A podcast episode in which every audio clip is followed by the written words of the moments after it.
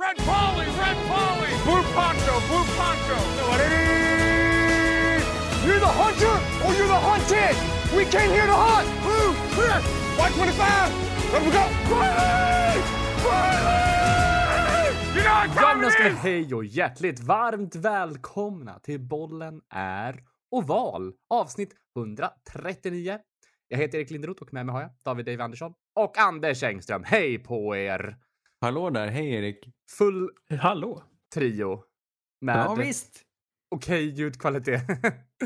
Ja det är bra, det är som det ska vara. jag, jag skulle Oj. ni beskriva det ljudet på det avsnittet som vi körde alla tre sist när jag pratade. det var liksom, jag satt ju i någon form av... Det, det Ja var, men det var eh, typ som att vara- bo i en kloak. ja,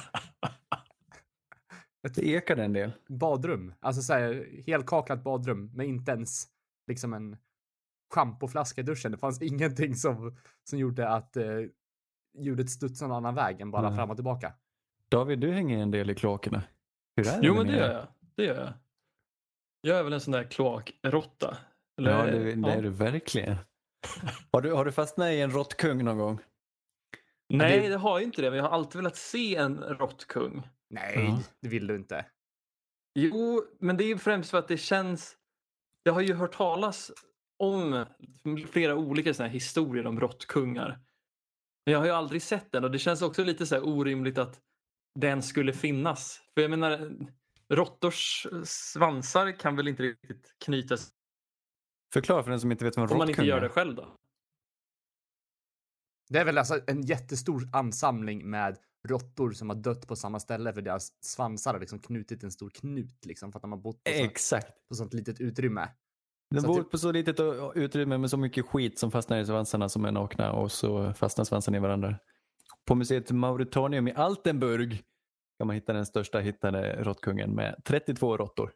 Nämen, Hittades Jävlar. 1828 i Buckheim i Heideland. Finns det en Ah. NFT på den eller? Garanterat. Förklara också för folket där hemma vad NFT är.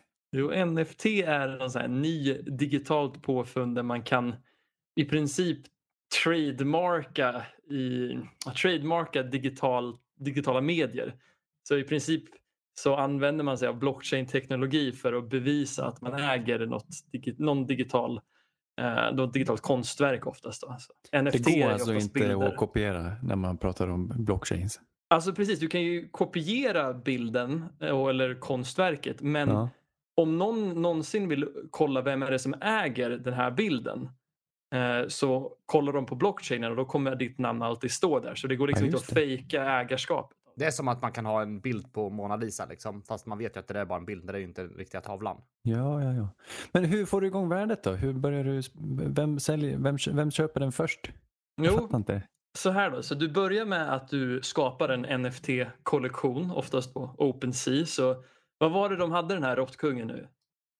I eh, Altenburg. i Altenburg. Så de här grabbarna i Altenburg, vad de gör är att de kanske tar några foton i olika vinklar på den här Kanske råttkungen. ett selfie. Ja. Exakt, en selfie. Med Hans. Eh, vaktmästaren där fotar den och så lägger han upp det på OpenSea. Och sen så är det egentligen bara att folk får buda på de här bilderna. Och så erbjuder man någon form av kryptovaluta.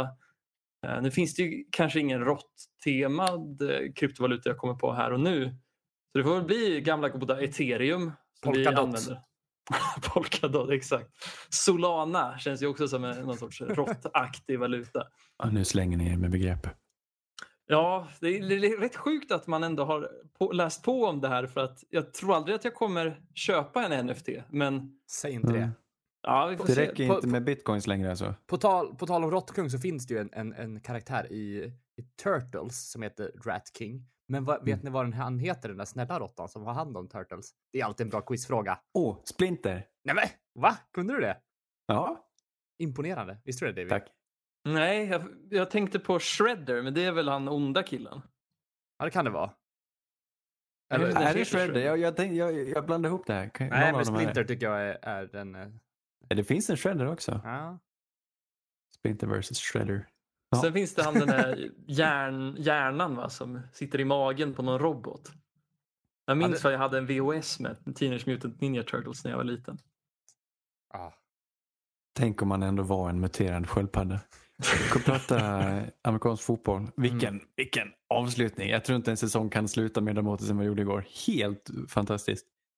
Ja, det kan du väl Av- inte säga som Saints-supporter kanske. Alltså, det ju... Nej, men dramatiken Ja, absolut. på AFC-sidan var ju omatchad. Ja, den tog ju aldrig slut. Det, man tittade fotboll tills man gick och la sig på Ja. söndag kväll och så vaknar man tidigt Ja, måndag morgon och så Exakt. var det fortfarande igång. Såg man klart det. Ja, vi, vi, vi får väl ta det från början. Eh, Indian, det, det, det, det hängde mycket på matchen Indianapolis-Jacksonville. Eh, Colts åkte till Jags för att skulle bara knyta upp säcken och ta sig till slutspel. Men skulle de mot all förmodan förlora så eh, väcktes det ju liv i andra slutspelsdrömmar. Och eh, döm om min förvåning när Colts eh, lämnar in när, snudd på ett gåsägg här mot Jacksonville. Total fullständig kollaps. Det var länge sedan jag såg något liknande. Colts som eh, tar in spelare baserat på deras karaktär och ska inte kunna förlora en sån här match på det här viset. Eh, de gör just det och eh, landet är i chock. Vad säger ni? Varför blev det så här? David, tar du den? Ja. jag, tycker att det var en ganska stor kollaps av Indianapolis försvar för man hörde knappt eh, Darius Leonard och DeForest Buckners namn mer än liksom när kommentatorerna hånade dem i första halvan. Och det var lite då som Jagger sprang ifrån. Eh, Mm. Jag, jag, vet inte, jag tyckte Taylor spelade bra. Jag tyckte Wentz kanske inte var speciellt bra. Det var lite där det fall. Ja, det var ju för många turnovers. Jo men precis. Och Och sen gjorde väl Trevor Lawrence en av sina bästa matcher den här säsongen. Kanske den bästa. Ja, absolut. absolut den bästa. Och, Han eh, spelade grymt den här matchen. Ja, men exakt. Inte en enda interception och två touchdowns. Vilket, ja, sådana såna stats har ju inte haft tidigare i säsongen. Nej, och det där spelet får gå upp 23-3, hans, eh, alltså touchdown-passen till Marvin Jones när är det en dålig snap så han inte får rätt på. Får springa han bakåt, vänder, vänder upp och hittar Marvin Jones i en sån och stänger, liksom, stänger matchen. Så Trevor Lawrence som har haft sån usel, har kastat typ två touchdowns på två månader eller någonting. Eh, I runda slängar. Aj, det är fantastiskt. Och så, så viktigt för Jags som organisation att få avsluta på det här viset. Det ändrar ju allt egentligen med hur vi kommer prata om det här laget. Eh, hade de bara lämnat in en sop produkt här igen så hade vi ju tänkt, åh, vi hade tvivlat på Trevor Lawrence hela, hela, Mm. hela offseason. Men nu känns det någonstans som att man får en lite ljuvare smak i munnen när man tittar på det här. Jo men precis, för alltså, den här matchen visade ju en helt annan sida av hans atleticism som inte jag riktigt har sett tidigare. För precis som du sa på det här playet med Marvin Jones, att han lyckas kompensera för ett misstag i kommunikationen eh, vid snappen och sen använder sin atleticism för att hitta Marvin Jones. Så det var även andra exempel under matchen när Trevor Lawrence liksom springer för first down, improviserar. Ja, det gav mig en helt annan bild av Trevor Fast än vad det, jag det haft här är väl den bilden man haft för honom på college. Och att nu Ja, det, det att han det, skulle ha, ja precis. ja, men exakt. Och nu äntligen har det liksom, kan det speglas av i, i NFL också. Det är väl någonting, det har bara att varit han- en tidsfråga. Helt, ja, det känns som att han har gått och kalibrerat. Liksom, för det, det har, hans pricksäkerhet, han har varit så bortkollrad ibland. Han har liksom missat receivers med flera eh, meter och det känns väldigt märkligt som att han inte har koll på längre och att han inte tror på sig själv. Men nu, nu, nu det sitter ju någonstans i ryggmärgen. Liksom. Eh, det känns som att han bara gått och kalibrerat i 17 veckor och slängde in den här som eh, härlig avslutning för, för clownerna på läktaren. Ja, just det. Det var ju ett gäng clowner på läktaren där. Så det... Fan vad det klädde här ut sig måste till clowner som att eh, sätta ner foten mot deras sportchef. Va? Typ Trent Barker, de ville att han skulle sparkas för de var missnöjda med säsongen. Ja, just det, eh, just det. Och så går de och vinner. Mm. Man kanske borde bara byta maskot till liksom, The Jacksonville Ja. Clowns eller någonting. Nej, men det Jacksonville går Jesters. inte att Ja, Jester, den tänkte jag också. Svinbra. analysera. Ja, det var snyggt ju. Jag tror inte det går att analysera på något annat vis än att hela laget underpresterade. Det fanns inte en ljusglimt hos Colts. Eh, det går inte att utse någon enskild syndabock heller. Eh, utan det går bara att konstatera att alltihop fallerade. Alla ska ha kritik. Jag hoppas de behåller sina coacher och sådär. Jag tror det är så illa är det kanske inte riktigt. Det här är ju bara en match. Men jag, jag trodde inte det här om just det här laget framförallt. Eh, och nu hamnar de i en sån jobbig sits. För de har ju dessutom eh, bytt bort första plocket i draften här till eh, Eagles för Carson Wentz. En chansning som jag Alltså med facit i hand var det kanske dumt men jag tycker fortfarande att det var, det var en rimlig chansning. Carson Mm. Wentz har ju spelat bättre och han har ju han har ju inte haft någon riktig blundersäsong. Han, har, han spelar ju bättre än vad han gjorde förra året. Förra året var ju total katastrof och han har framförallt varit ganska trygg med bollen. Han har inte slängt särskilt många interceptions. Vilket han gjorde i den här matchen istället. Han har haft en riktigt dålig avslutning på säsongen helt enkelt. Så med facit i hand var det fel och dumt och de måste gräva sig nu. Men det var, det var en rimlig chansning att göra. Ända sedan Andrew Luck la skorna på hyllan så har de varit i någon sorts QB-limbo som de inte har lyckats lösa. Det här var tredje, tredje försöket och det, det sumpade den här gången också. Man måste, man måste sitta och bara önska och drömma sig tillbaka till det här skepparkransen, neckbeard, Andrew Luck, hans Mm. vackra ögon och bara önska att han inte tog så många smällar att han var tvungen att lägga av. Och det är ju lite Colts eget fel också för de vägrade ju att ge han hjälp under liksom de tidiga åren med Andrew Mm. Luck. Så ja, jag vet inte fan. Nej men precis och sen tog Chris Ballard över och byggde ett bra lag och precis när de skulle vara med och tävla så, så la han ner. Han orkade Mm. inte mer. Nej, tungt. Indianapolis är inte i slutspel då. Vilket då öppnade dörren för, eh, för, både, för, för alla andra. Liksom. Både Pittsburgh och Baltimore och eh, Las Vegas och Los Angeles Chargers att ha helt plötsligt en chans. Jag har ställt allting på ända och Pittsburgh Baltimore spelar ju parallellt med den här matchen och den matchen går till övertid och vinst till slut av Pittsburgh. Vi ska säga det, Jags eh, Colts slutade 26-11 till Jags fördel. Eh, men Pittsburgh vinner till slut den här eh, riktigt griniga, typiska AFC North-matchen i dåligt väder. De vinner med 16-3 till slut i, i förlängningen. Och eh, det enda de eh, då, då, har- då har de i stort sett säkrat en slutspelsplats. Det enda som inte får hända är att Chargers och Raiders spelar oavgjort. Men vi kommer dit sen.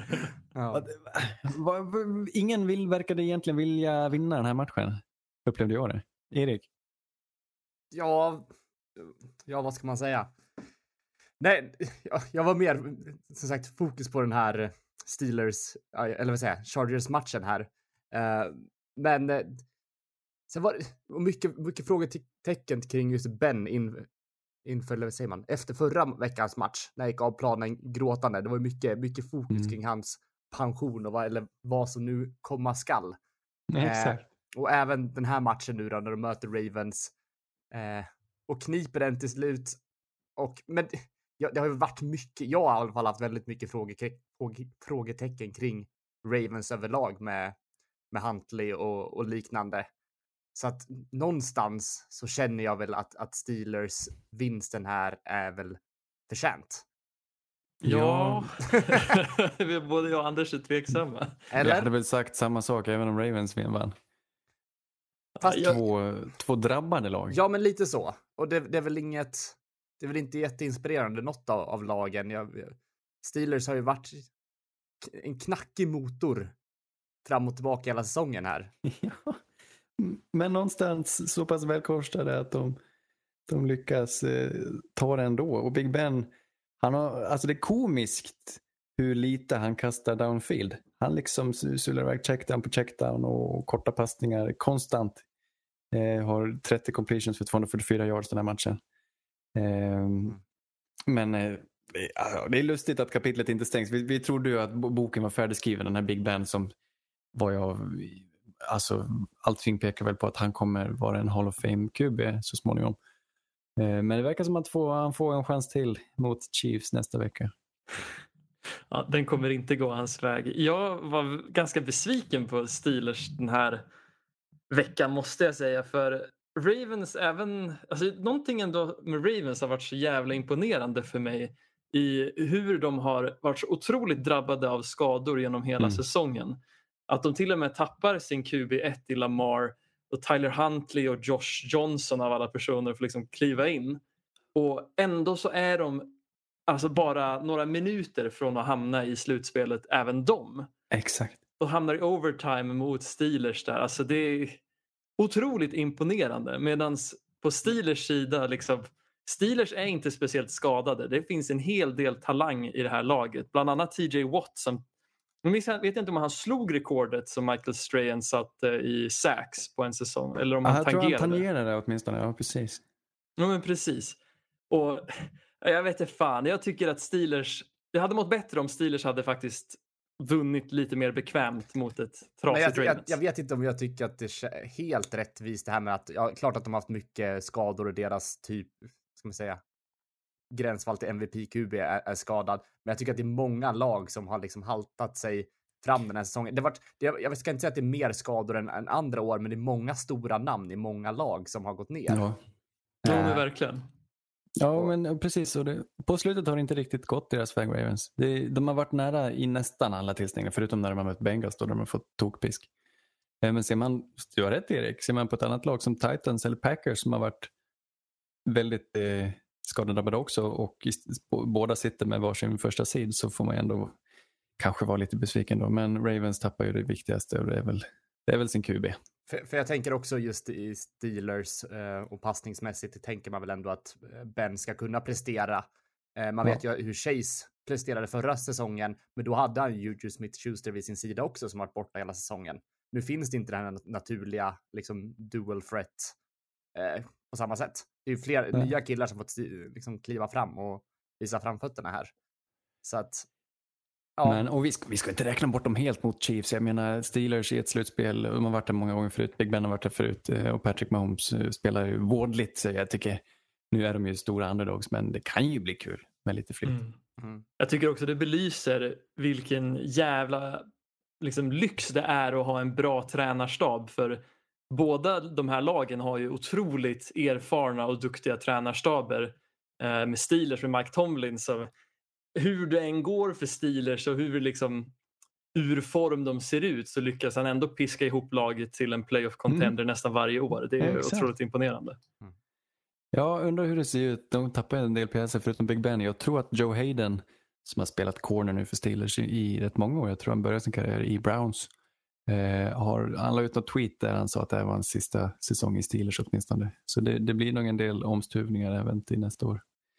Eh, vi, vi, vi tar nästa. Det är alltså eh, de här eh, sitter och väntar på att Chargers ska möta Raiders.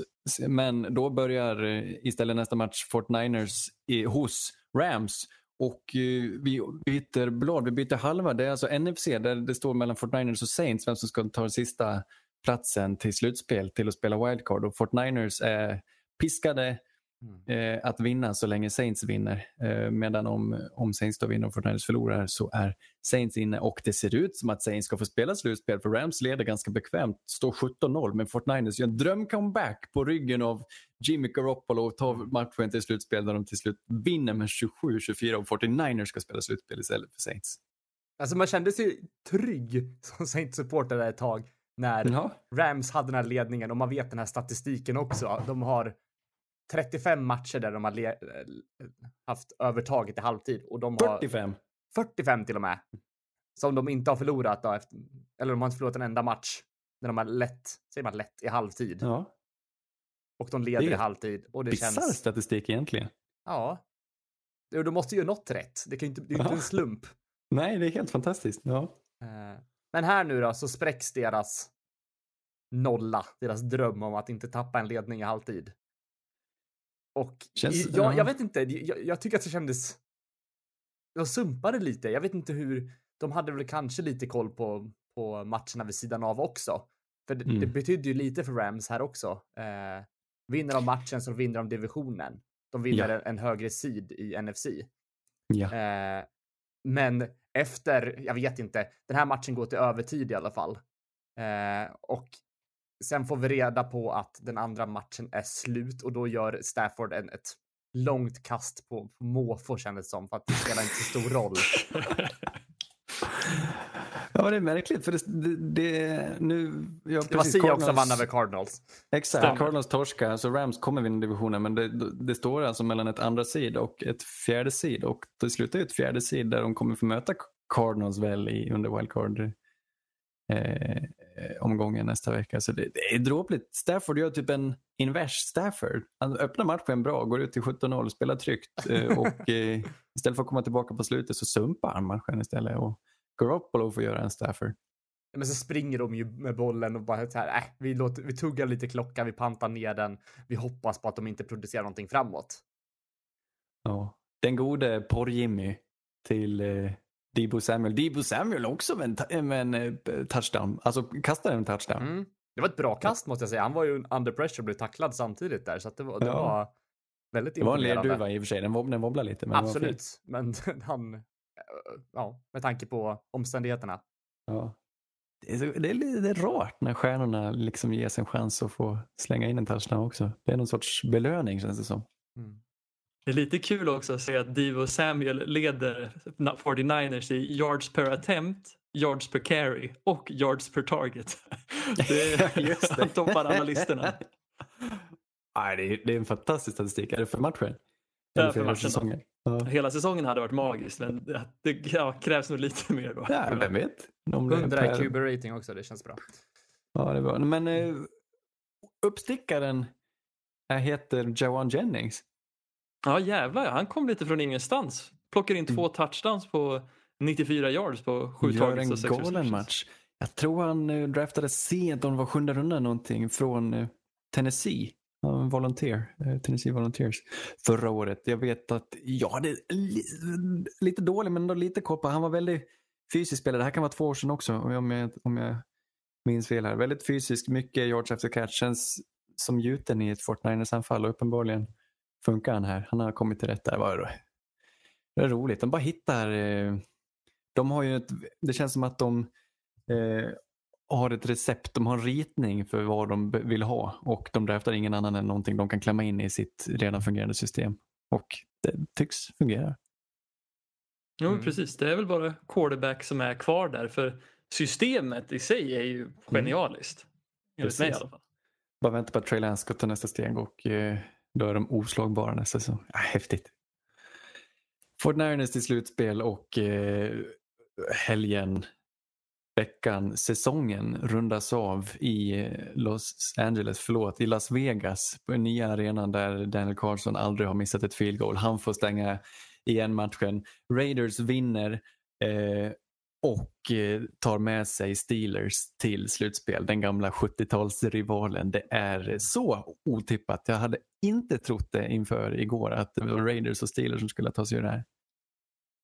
Nej, det var en helt otrolig match där Justin Herbert konverterar vad som känns som ett tjog fourth downs för att ens ta Ja. matchen till overtime.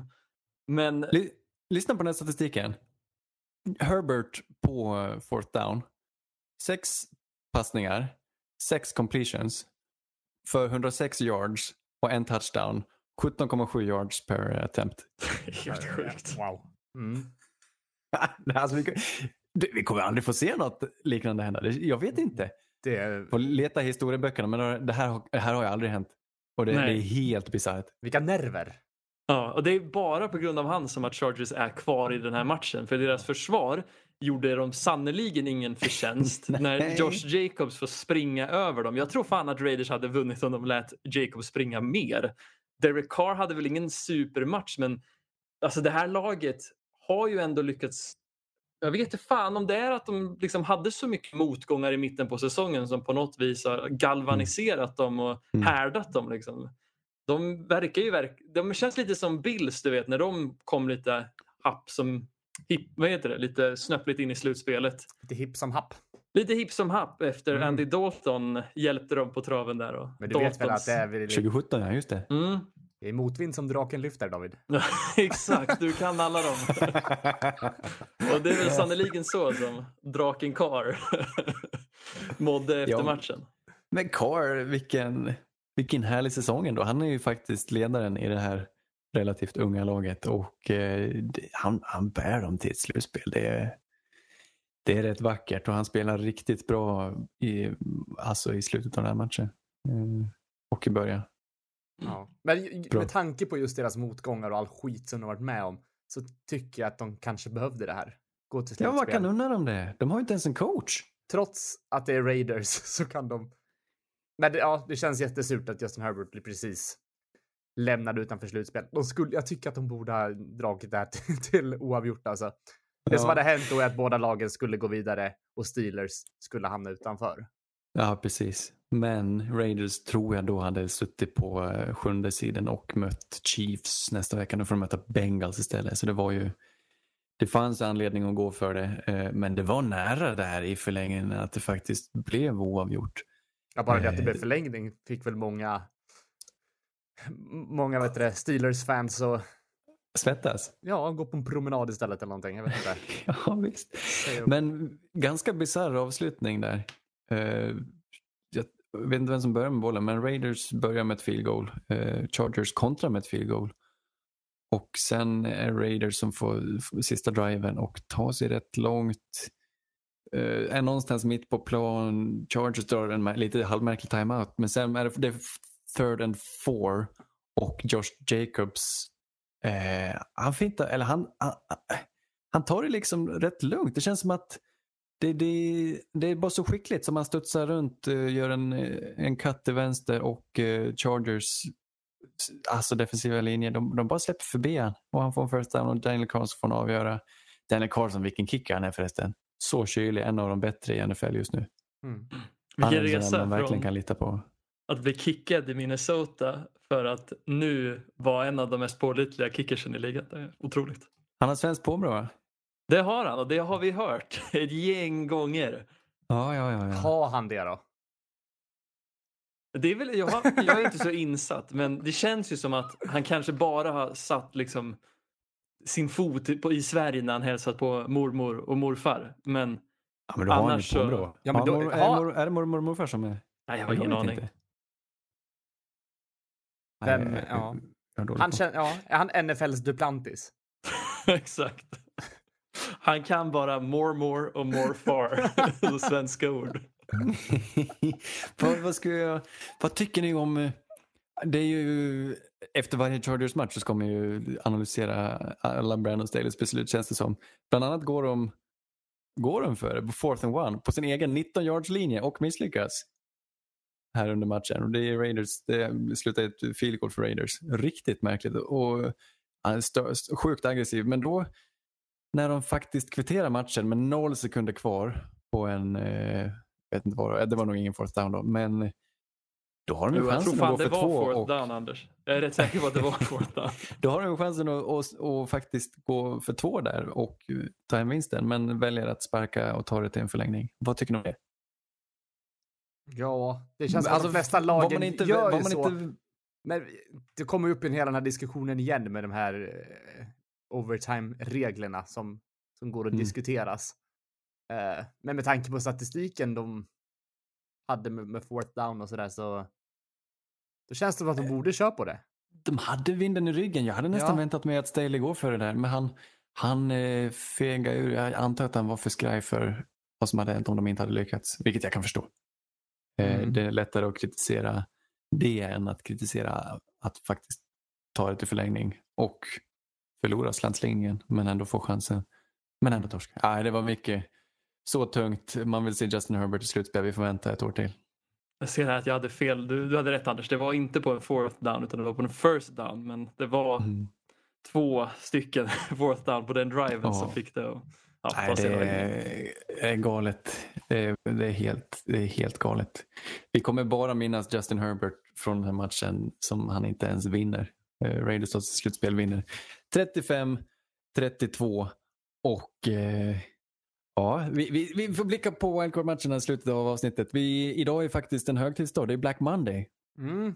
Det sparkas eh, tränare till höger och vänster som alltid just denna måndagen varje år. Vi har redan haft Urban Meyer som eh, fått lämna Jacks och vi har haft John Gruden som fått lämna Raiders under säsongen. Men fyra till här på en dag, på två dagar. Du låter lite, lite glädje i rösten nästan. Jag är så uppspelt varje gång Ja. när, det, när det händer grejer. Vic Fangio, David, vi måste ju börja där, i Denver. Uh, inte oväntat, Vic Fangio efter tre säsonger defensiv coach med många offensivt tveksamma beslut får inte vara kvar för att han inte har kunnat lyfta eh, det här laget med Drew Lock och Ted Bridgewater bland annat. Det var, var, var, det var väntat, men var, hur känns det? Det känns ändå väldigt bra för jag var, har väl varit ganska hög på Fangio inför, alltså hela vägen fram till början på den här säsongen. När eh, vad jag upplevde det var att Fangio tog någon sorts businessbeslut att det enda, det, det största sannolikheten att jag behåller mitt jobb är att ta in någon, ja, Teddy Bridgewater istället för att liksom chansa på Drew Lock. Och jag tycker ju att det, det, är, det känns ganska själviskt för det är ju mer eh, det är god chans att han räddar sin karriär om de tar sig till slutspelet. Men Denver som organisation kommer ju inte vara någonstans närmare liksom av att ha någon lösning på quarterback. För Teddy Men är väl inte en lösning. du är inkonsekvent här måste jag säga. För Är när, när Teddy spelar som bäst, då tyckte du att han var ett geni. Och sen går han ner och skadad och borta och då, då är han ju, jag vet inte, det pendlar lite. Ja, det var väl i början på säsongen. Sen har jag väl varit ganska konsekvent. Men först hatar Han var ett geni. Ja, första matchen. Ja, Du hatade ja, Teddy och sen börjar han spela helt okej, komma in i playbooken, hitta sina receivers och börja spela ganska bra. Och då, då fick du ändå upp hoppet och du började gilla Teddy. Jag håller, jag håller inte helt med. Jag, motvilligt så fick jag väl ändå se att det fanns någon, liksom, något belägg i Teddy-beslutet. Och jag måste ju ändå liksom få det att verka spännande. Men jag tror aldrig jag, riktigt jag har släppt min, min känsla av att liksom inte gå på den unga quarterbacken för att försöka reda ut någon sorts långsiktig lösning på Nej. quarterback har alltid varit ett misstag i mina ögon. Jag tycker, jag är emot, ja, jag tyckte det var rätt beslut även i efterhand att, att spela Teddy. Teddy var ju bländande. Det var ju redan vecka ett Mm. som han var, han gjorde sin bästa vecka vecka ett och var en av de bättre. Sen har det bara gått ut för och sen blev han skadad och Drew Lock, ja, det, är- det är klart det är tråkigt att inte ha fått se Drew Lock men som jag ser så visste de väl redan att Drew Lock kanske inte var framtiden och eh, det, det är klart det känns bittert när man inte går till slutspel och dessutom inte med 100% sä- sä- säkerhet kan säga att Drew Lock inte är framtiden men eh, det kan man ju inte chansa, man kan ju inte låta Drew Lock, det, det är liksom kört antar jag. jag. Jag vet inte vart de är nästa år men eh, Det känns in inte som en, man vill satsa på honom i alla fall. Det satsa på ett ju... stort namn i Free Agency helt enkelt. Eh, se, se vart det bär. Har du någon Eh, Vic Fangio, han kom ju senast från Bears ska vi bara säga också. Han var defensiv koordinator där. Hade ju, var ju han som ledde det här fantastiska Bears-försvaret 2018. Det var ju därför han fick det här jobbet. Och det var, jag hade förväntat mig mer. Men Ja, det man, det, det, det, är en, det är en offensiv liga och eh, han, eh, han med flera tog många dåliga offensiva beslut och då förtjänar man att inte vara kvar. Så dåligt som det har sett ut. Det var väldigt få poäng just i år. Precis. Han har ju Eh. också varit väldigt ovillig av att liksom sparka sina undertränare som har varit undermåliga. Den enda som han faktiskt har sparkat var väl Rich Scangarello efter ett år. Eh, Och då kanske bara mer motiverat av någonting utanför plan. Ja, och det var kanske lite oförtjänt. Scangarello som faktiskt växte in i sin roll. Det var Jo, men märkligt. precis. Men han verkar ju ha bråkat en massa när Ja. han hamnade i Philly därefter. Så jag tror att det var mer att Scangarello kanske inte riktigt var mogen nog Nej. att eh, ta det ansvaret. Men eh, på tal om Bears så har det inte gått så bra där heller. Vic Fangios gamle kollega Matt Nagy får nu också hänga hatten på hyllan efter fyra år i Chicago Bears. Efter fyra år av kritik egentligen. det, det har liksom varit mellanmjölk. Han har ju mot förmodan tagit det laget till ett gäng slutspel får man ju säga. Men eh, nu fick det räcka. Eh, han ville ha Trubisky, han ville göra något med Trubisky, kunde inte göra någonting av Trubisky och redan där så var det väl kanske kört. Men man gav honom längre tid än vad, vad vi trodde och nu är han borta tillsammans med att han, att, han fick så Ryan pass, Pace. att han fick så pass mycket tid. Att han fick tid och... Men sen har ju inte hänt jättemycket som sagt. De har ju inte... Nej. Det har verkligen inte kunnat klaffa med dels quarterback-situationen har ju varit ett stort frågetecken, ett, ja, utropstecken Ja. efter frågetecknet. Exakt, och, som offensivt geni har han ju inte riktigt klivit fram. Han, kom, han var tidigare i Chiefs, var offensiv koordinator där under Andy Reid.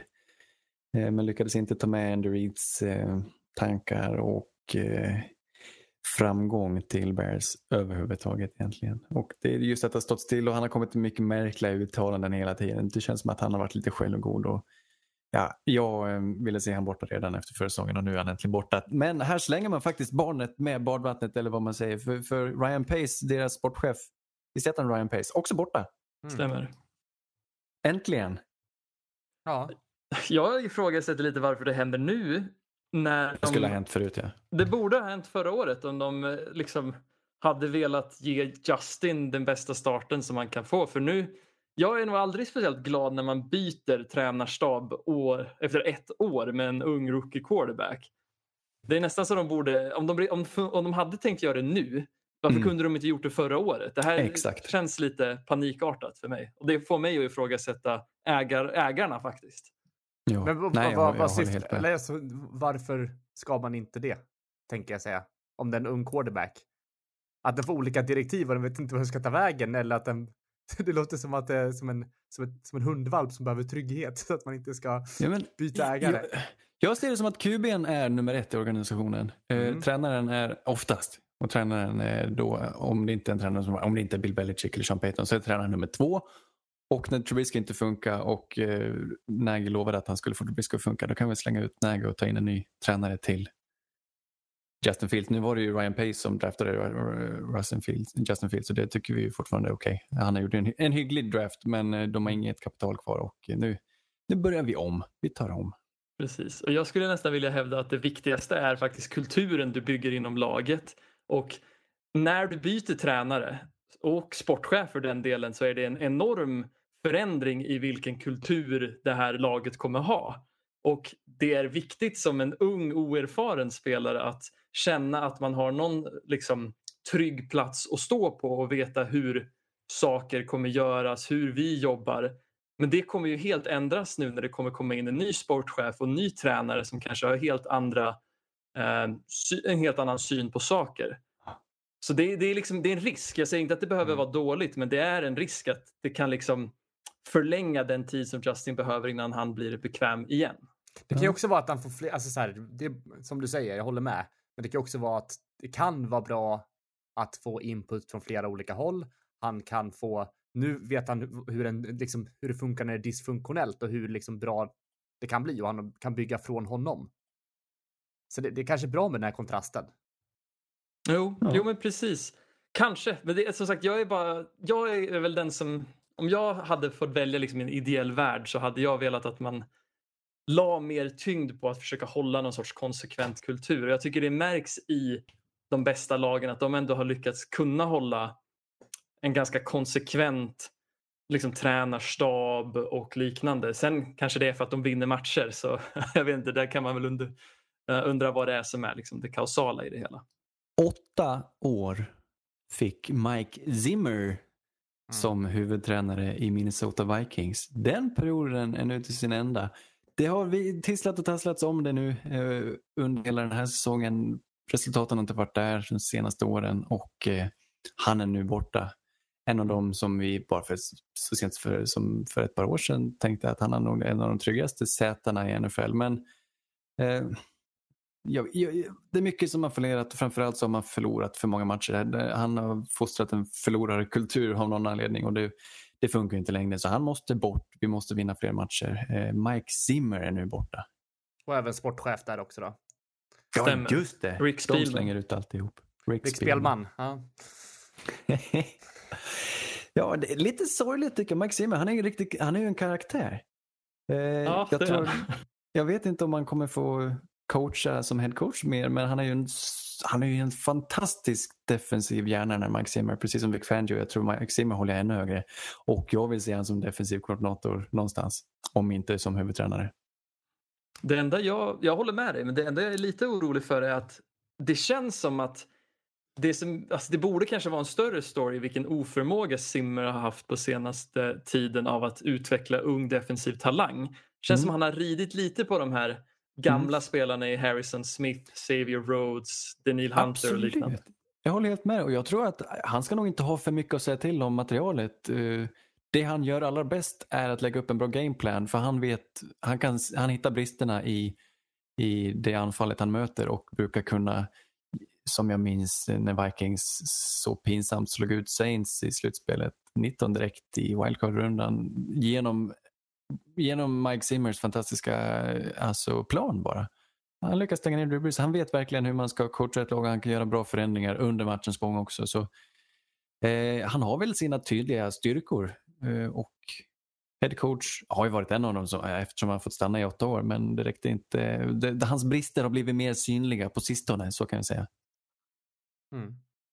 Vad, har vi någon destination för honom då? Du tror defensiv koordinator? Jag hoppas det. Mm. Och om inte, kanske headcoach till och med. Jag vet inte om, skulle han platsa i, i Jacksonville? Jag, vet- jag vet inte men eh, han är definitivt en eftertraktad DC. Det vågar jag nästan lova. Innan Vikings-jobbet så var han koordinator i Bengals i fem års tid faktiskt. Eh, den lite mer oväntade då, eh, det vi fick höra idag här ganska nyligen är att Brian Flores är sparkad som head coach i Miami Dolphins. Varför? Ja, du, om man ska lyssna på Reddit så kan det vara för att deras eh, sportchef Mike Tannenbaum, visst är det Tannenbaum som är sportchef där? Sportchef? Jag vet inte. Är inte det julgran på tyska? Nej, vad heter han? Han heter något annat, sportchefen. Men ägaren kanske. Nej, Tannenbaum är den gamla jäveln. Eh, han var sportchef där tidigare.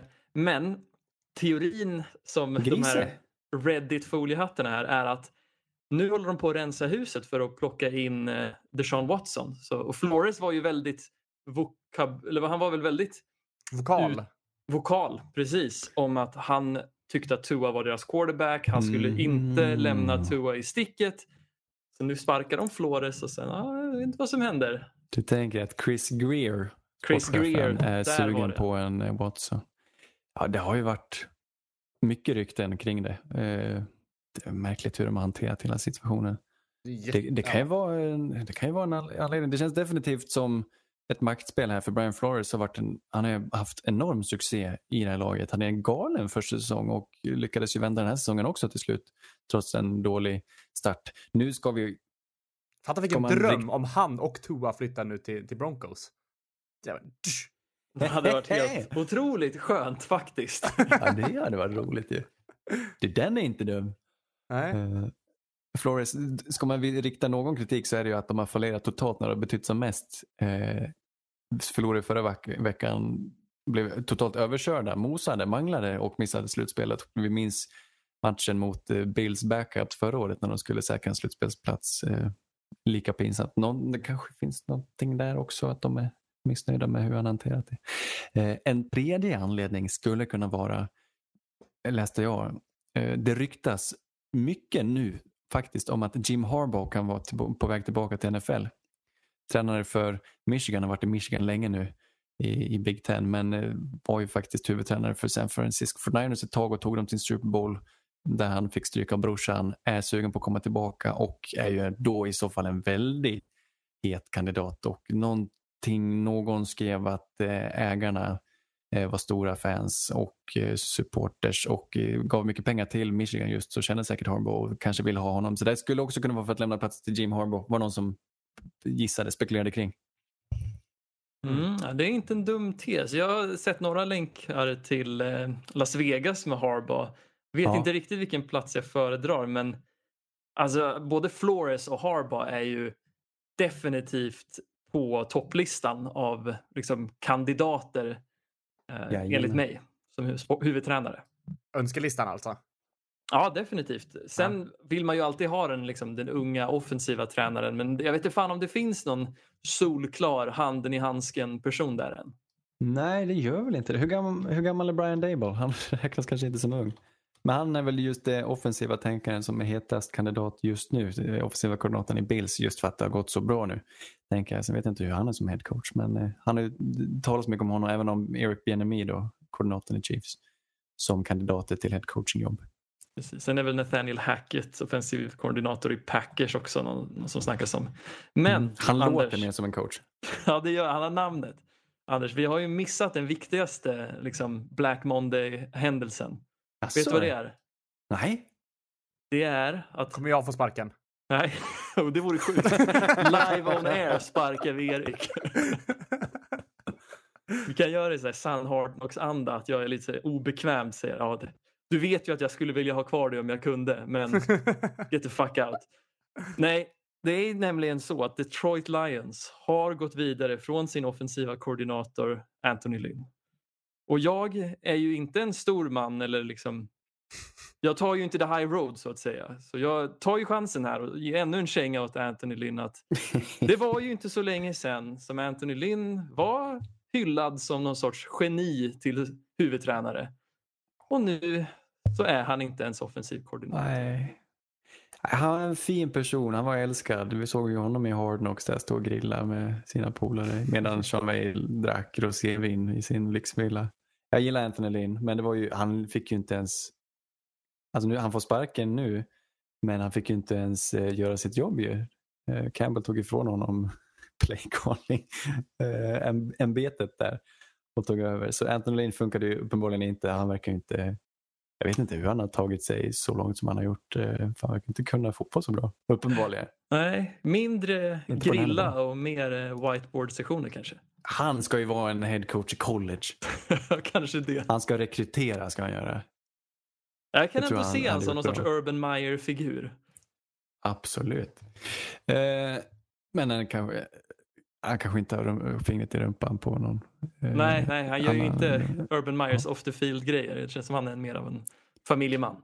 Lite Friday Kommer Night ni- Lights. Uh, vad heter han? Nej, glöm det. Den serien. Glenn Campbell, Nej, min gamla goa... eh, ja. Glöm det. Percy Nilegård. Han är ju med också. ja. Just det.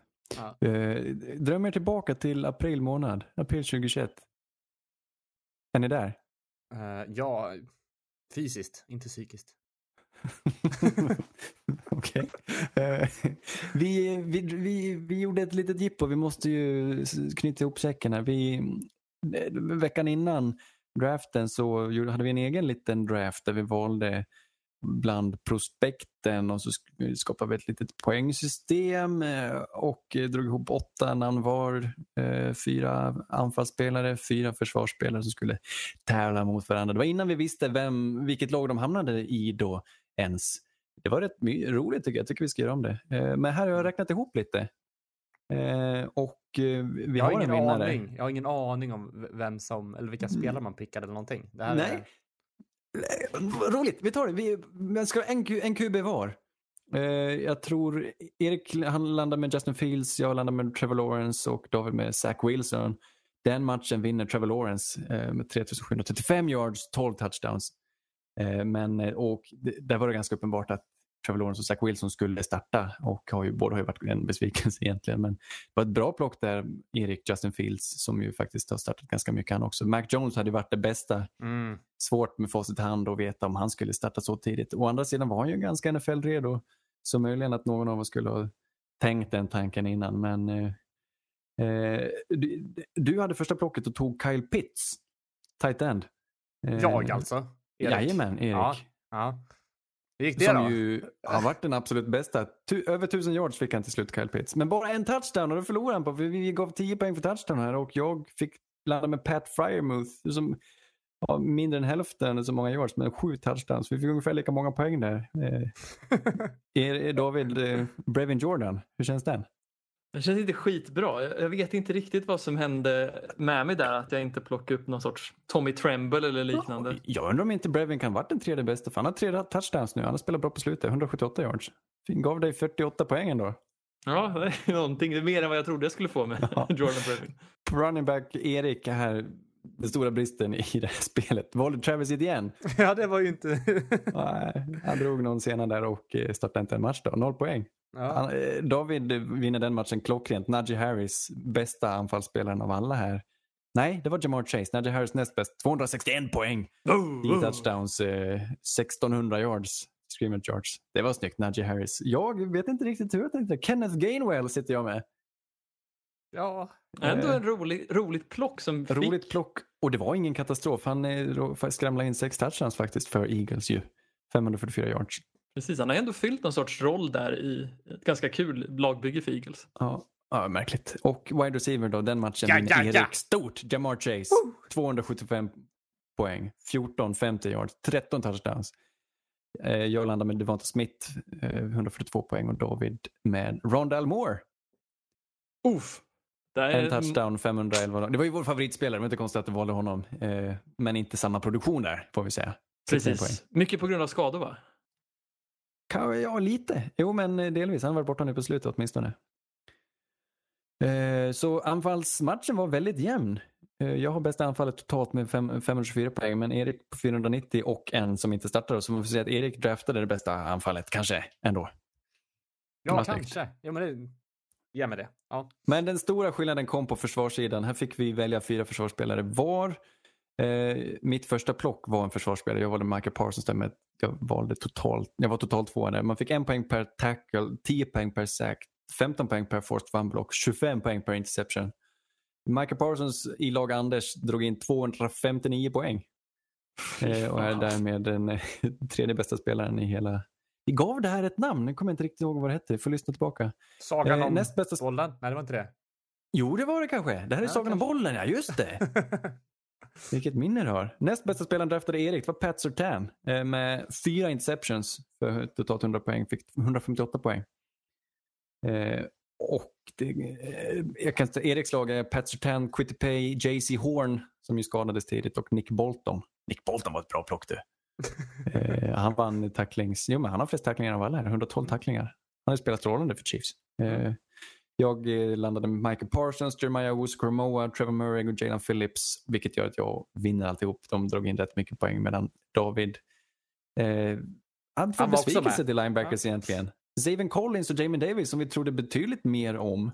Eh, Seven Collins har inte startat för att han inte har, eh, han, var, han är inte bäst i laget. Eh, 25 tacklingar totalt och Jamie Davis 68 tacklingar totalt och en säk. Precis. Visste vi vilka lag de hade hamnat i när vi gjorde det här? Det tror jag inte. Nej, det visste vi inte. För det är Utan fan det inte en ju- chans i hela helvetet att jag hade valt Saven Collins när jag visste vart han hamnade i Cards där med Nej, nej, ärkefiende till coach. Just det. Nej, utan det var väl eh, oflytt här, men bästa plocket är ändå Ardarius Washington. som eh, eh, lilla killen från TCU som plockades upp som undraftad. Vi älskar ju honom, eh, men han blev inte draftad. Undraftad free agent. Fick ändå speltid i Ravens och samlade ihop en tackling för en poäng innan han eh, skadade foten och missade resten av säsongen. Men Alltså. det är ju ja, det är bättre än Travis Etienne i alla fall. Ja. Det är sant. Mycket Det är sant. vackert. Poetiskt. och sen Joe Tryon, 4 sacks, 29 tacklingar, 69 poäng. Anders vinner totalen 585 poäng. Jag testade, jag tog bort, eh, om jag tar bort de sämsta ska, på varje lag här på grund av att det varit en del skador så är det ändå Anders som vinner. Så Anders, sagan om bollen, grattis. Grattis. Vad vinner man? Grattis. Ehm, jag, får, jag är lite sugen på glass. Finns det någon så här... Eh, jag kanske ska skicka ett sånt purjogram till dig. Ja, jag har fått det. Jag fick ett en förlor. Ja, det är trevligt. Snacka om bra affärsidé. Ja. Ska vi, ska vi starta haft? en egen massarinogram? Massarinogram. Ja. Jag kan baka. Vem står för portot? Jag cyklar med allting så det blir gratis fraktkostnad. Ja, det kan bli något. Ja. Eh, måste titta på draftordningen här. Det är ju klart nu. De 18 första är huggna i sten. Jacksonville, trots vinsten, får på grund av Detroit också lyckades gå hem med en vinst mot Packers då, drafta först eh, i slutet på april. För Detroit, för Houston. Eh, så det är topp tre. För Jets och Giants som faktiskt har två plock var i topp 10. För Jets får även plocka på plats 10. De har ju Seattles plock som de fick eh, till eh, för att de skickade iväg Jamal Adams, så var det. Och Giants har Chicagos plock på plats 7. Det kommer mycket snack om New York inför draften. Carolina plockar nummer 6, Atlanta nummer 8, Denver nummer 9. Igen va? Var det inte 9 Mm, senast? två år i rad nu. Mm. Ja, men det är bra, det är ju en tröst i alla fall. Eh, det var ju många jämnbra eh, mellanmjölkslag och bland dem så hamnar ni nästan överst i draften. Det måste vara skönt. Jo, men med tanke på liksom att vi ändå var där och kämpade de sista veckorna så Mm. är det ändå skönt att hamna så pass långt ner i standings. Mm. Ändå ganska representativt av hur, hur det faktiskt gick på slutet där. Ja. Tråkiga nyheter för Miami som gav fel plock till Philly för att träda upp för Jalen Waddle eh, och nu sitter med Fort Niners plock som verkar eh, bli sämre och sämre medan Philly är glada för att Colts torskar och Miami torskar. Så Philly sitter ju här med tre stycken plock i första rundan och det är deras eget som är det sämsta. Vad roligt! Mm. Och med en potentiell lösning på, på quarterback. Det får man inte glömma med Philly för de har tre första rundeplock och Jalen Hurts ser ju ut att kunna vara någon man kan bygga vidare på. Så de har ju inget stort behov av att allokera mycket draftkapital. Kort nämna innan vi eh, tittar på wildcard-veckan nästa helg är att i natt spelas National Championship. Det ska utses ett eh, landets bästa college-lag. Det är mellan Georgia och Bama. Georgia knappa favoriter, 2,5 poäng. Spelas i Lucas Oil Stadium då i Indianapolis. Vem tror ni vinner? Vem hoppas ni vinner? Har ni någon liksom, vad har ni för lag? Vilka hejar ni på? Det är väl du som är experten här, Anders. Vad har du för, vad har du för spaningar? Det är kanske är det vi ska svara. Ja. Att vi ska dra. Ah, Ett svar från röven för, för, Georgia har eh, ett extremt starkt försvar som de har eh, alltså ridit på genom hela eh, hösten här. Och Alabama är alltid bra. Alabama har Nick Saban. Alabama har den bättre QB'n, definitivt. Eh, vann en Heisman. Eh, kommer fortfarande inte ihåg vad han heter. Eh, ung kille. Men eh, så det blir hårt. Alabama har bättre försvaret, eller Alabama bättre anfallet, Georgia bättre försvaret. Jag tror de flesta hoppas på Georgia bara för att Bama är ju Bama. De är så dominanta och vinner alltid. Så bara därför. Men det, det blir nog lagom underhållande. Mm. Mitt sätter mitt tips på Bama ändå för att Bama alltid vinner. Det blir bra. Jag är nog med dig av samma anledning. Ja, jag säger Bama också. Mest för att ja, det, det, dynastin måste fortsätta annars det Bryce Young som du står något inte rätt till. Lördag halv tio, halv elva svensk tid. Eh, första wildcard-matchen. Det är i djungeln. Raiders möter Bengals. Bengals favoriter 6,5 poäng ska vinna. Men det känns roligt att bara säga de orden. Bengals ska vinna den här slutspelsmatchen. Det är härligt. Man mår bra av det. Eller? Det var länge sedan Ja. man kände så här. Absolut. Känns som de matchar upp ganska bra mot Las Vegas. För Vegas har ju en bra ytterkant med Yannick Ngakwe och Max Crosby. Men Bengals tackle, eller tack, vad heter det? offensiva tackles är ju inte så pjåkiga. Jonah Williams och deras right tackle som jag inte kommer på namnet nu har Riley inte varit Reef. katastrof. Nej, Är det det, har de faktiskt inte. Och är det inte det? Från, Jo, eh, det är det nog. Tog han free agent från Vikings. Men eh, Nej, precis. Det är en dålig linje, men de, de är starkare på tackle än vad de är på interior. Det har du rätt i. Och dessutom, det Raiders vann på nu var väl mycket George Jacobs och Bengals har en stark defensiv linje. Hon borde kunna matcha upp där också. Sen är Joe Burrow magisk. Eh, det blir bara, jag vill bara se dem kasta sönder det försvaret. Jag vill se det. Mm. Det ser jag inte som en omöjlighet heller. Jag, jag tror att ja, Raiders kan falla lite platt. Kan bli lite pladask. Magplask. Mm. Ja, men det känns inte som att de vissa av, de här lagen har spenderat så mycket energi på att bara ta sig hit och att sen eh, allokera om eh, sin energi till att ta sikte på en Super Bowl. Det, det känns mycket att begära från ett lag som Raiders. Sen är ju Bengals inte ett historiskt vinnande lag. När kan de ha vunnit sin sista slutspelsmatch? Det kan inte jag svara på, men det är många, många år sedan. Nästan 28 eller 26 år sedan. Någonting sånt. Det är Så, väldigt ja, det länge är sedan. 90-talet, så det kan bli stort. Det kan bli jubel alltså. Hoppas. Jag hejar på Bengals om jag får säga så. Kan bli djungelvrål. Hej! eh, den på förhand, tycker jag, skojigaste matchen är ju den mellan Patriots och Bills. En tredje gång.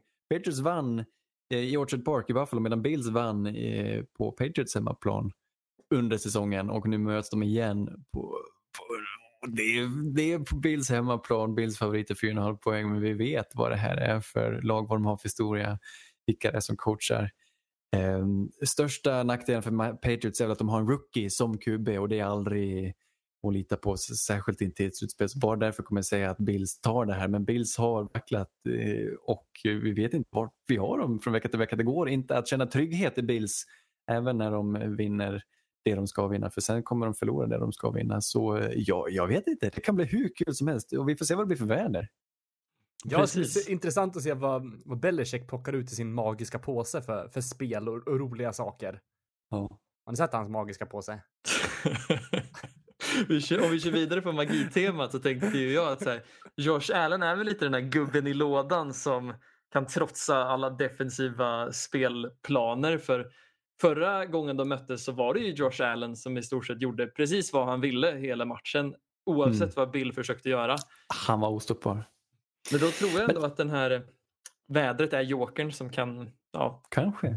ja, Och vi vet ju, Josh Allen har spelat en del slutspelsmatcher. Vi vet att han, är, han kan hitta på lite vad som helst.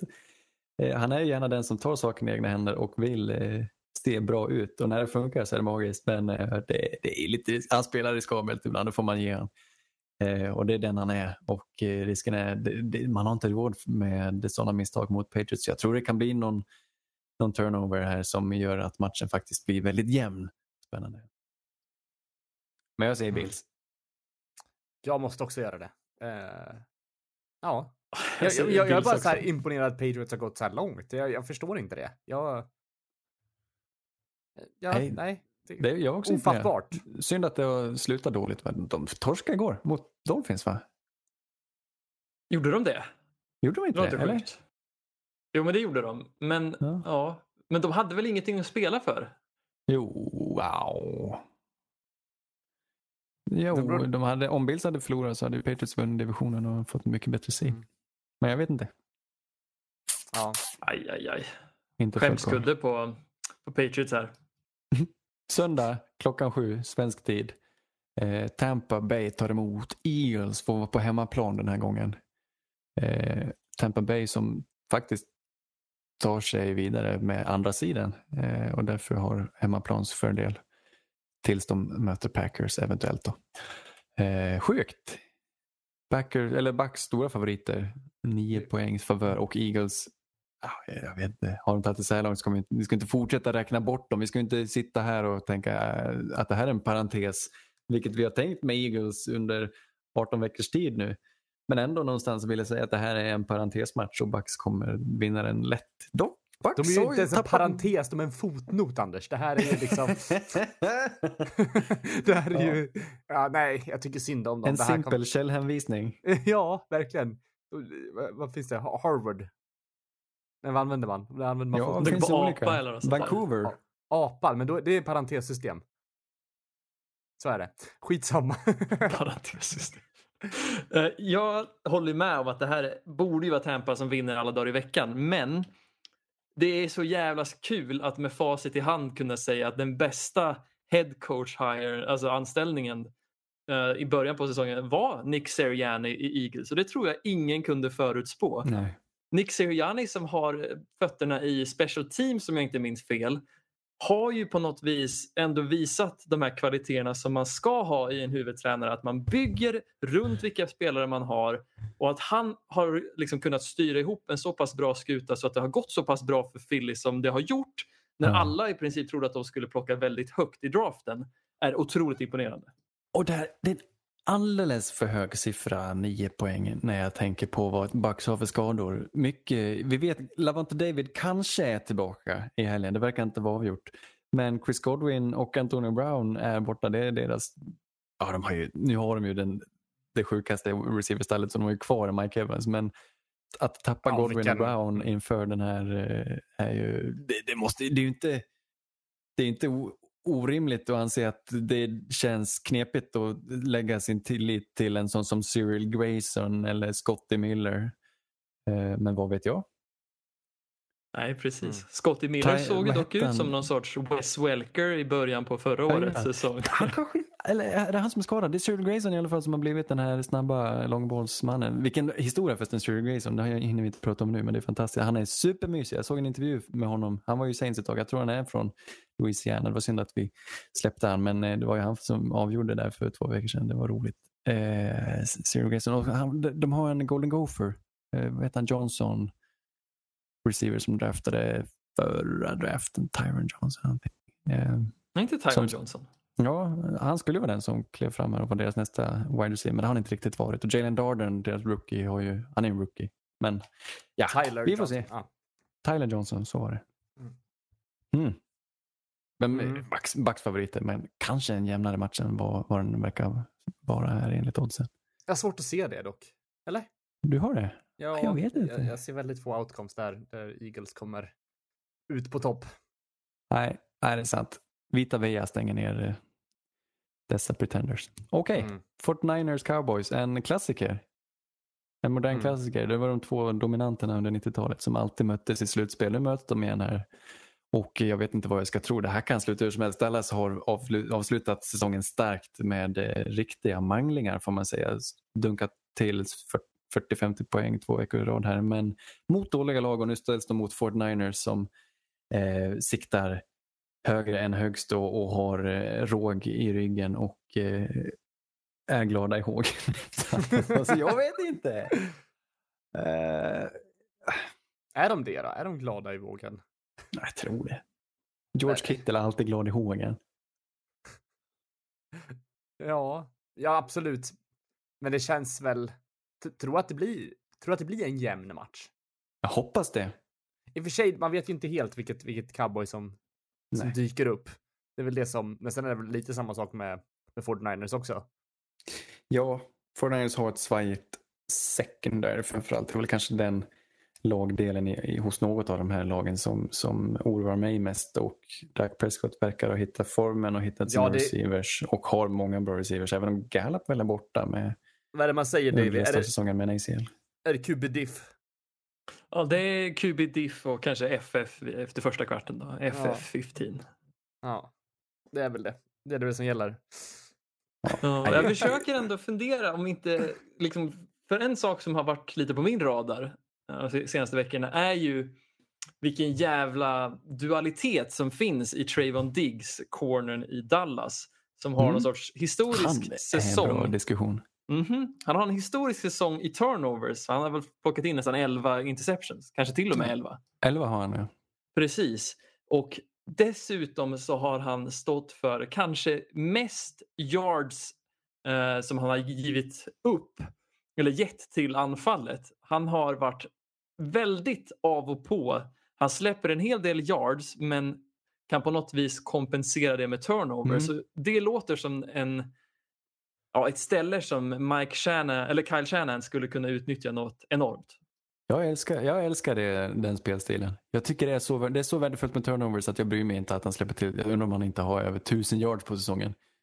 Eh, det är klart att det kanske, när man diskuterar All Pro, kan fundera på om han verkligen hör dit. Men jag, jag gillar de som tar chanser. Jag gillar han, jag gillar Marcus Peters. Jag gillar de som går för bollen i varje avseende. För det, High det risk, high så reward. mycket. Men, ja, men, ja, Mm. men precis. Men sen är det svårt att analysera och jag har inte siffrorna utan eh, det, det är ju klart. Det, man, man, får, man får försöka värdera hur mycket en turnover är värd. Men den är värd så pass mycket att jag ändå tycker det är... till- Jag är hellre en sån än en som inte släpper till så mycket men har uh, tvålhänder och inte kan fånga en boll. Det finns ju de också. Jag hade gärna kombinerat de två kanske. Man ska ha en av varje. Jo, Mm. precis. Det känns bara som om det ska gå vägen för San Francisco så måste de göra något radikalt. För jag tror Dallas är det bättre laget. Mm. Och då kanske man kan hitta någon sorts matchplan som bygger på att utnyttja Trayvon Diggs svaghet. Då. Ja, jag, ja, jag, ja, jag, jag, ser hellre att de bara matar Kittel. Jag tycker han är en för stor stjärna för att inte få bollen. Mm. Jag tycker han, han, han skulle kunna ha en mer fysisk Kelsey till och med. Nu, men bara ge, ge den i hans händer och låt han mangla. Liksom. Han tänder till i de här matcherna och han kan avgöra. Och jag tycker det är tråkigt när 49ers spelar och när de förlorar. Framförallt och jag ser att Kittel har typ tre receptions. För det är inte, det är inte värdigt för en sån underbar spelare som George Kittel. Nåväl. Eh, vi- säger ni till höra- slut då? Jag säger 49ers. Jag Jag säger tycker det Cowboys. blir... Ja. Ja. David? Jag säger... Oh.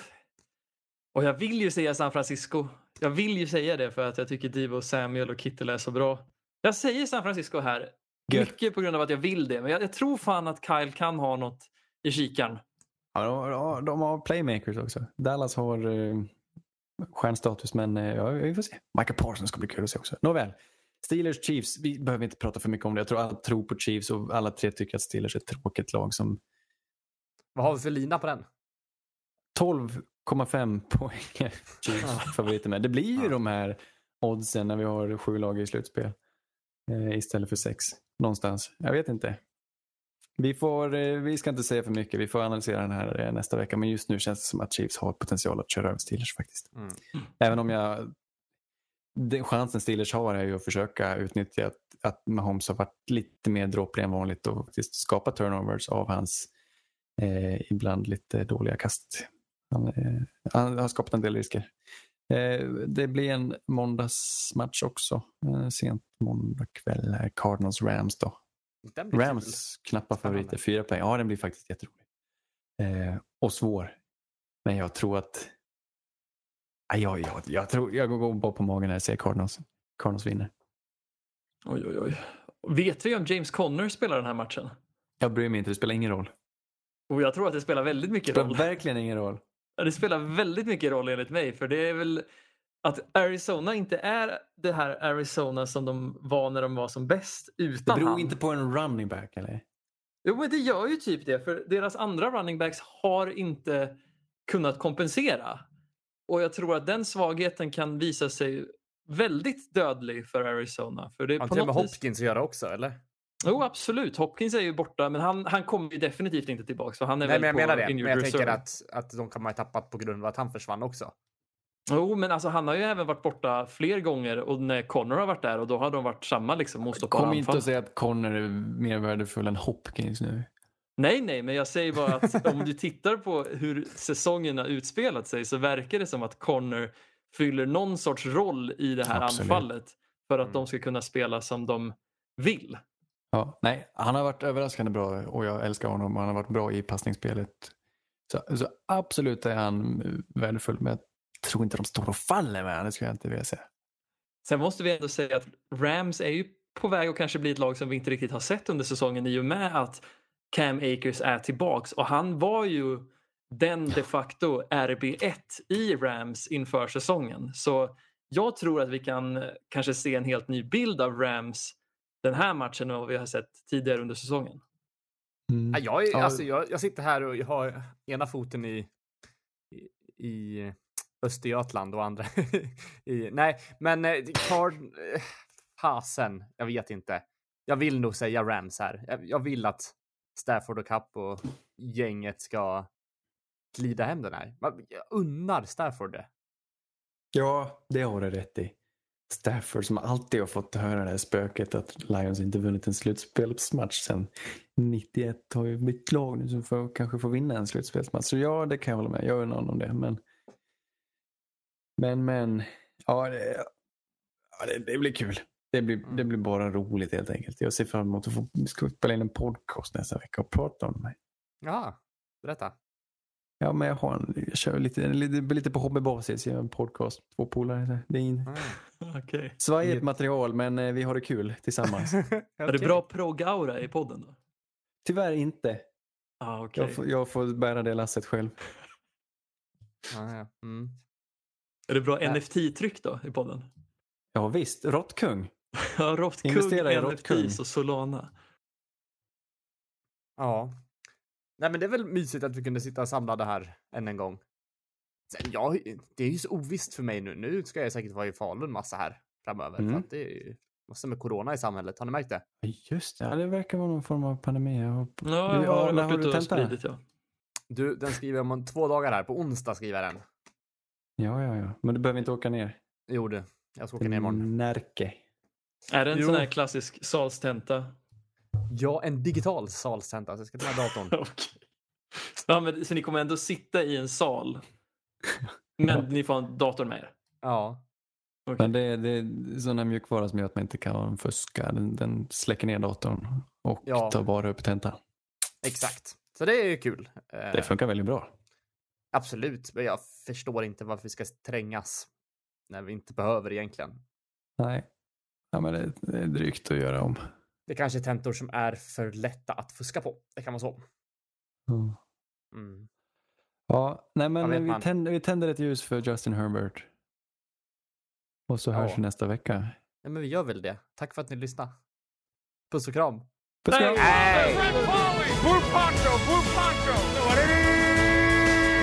You're the hunter or you're the hunted! We came here to hunt! Blue! Clear! White 25! Let we go! You know what time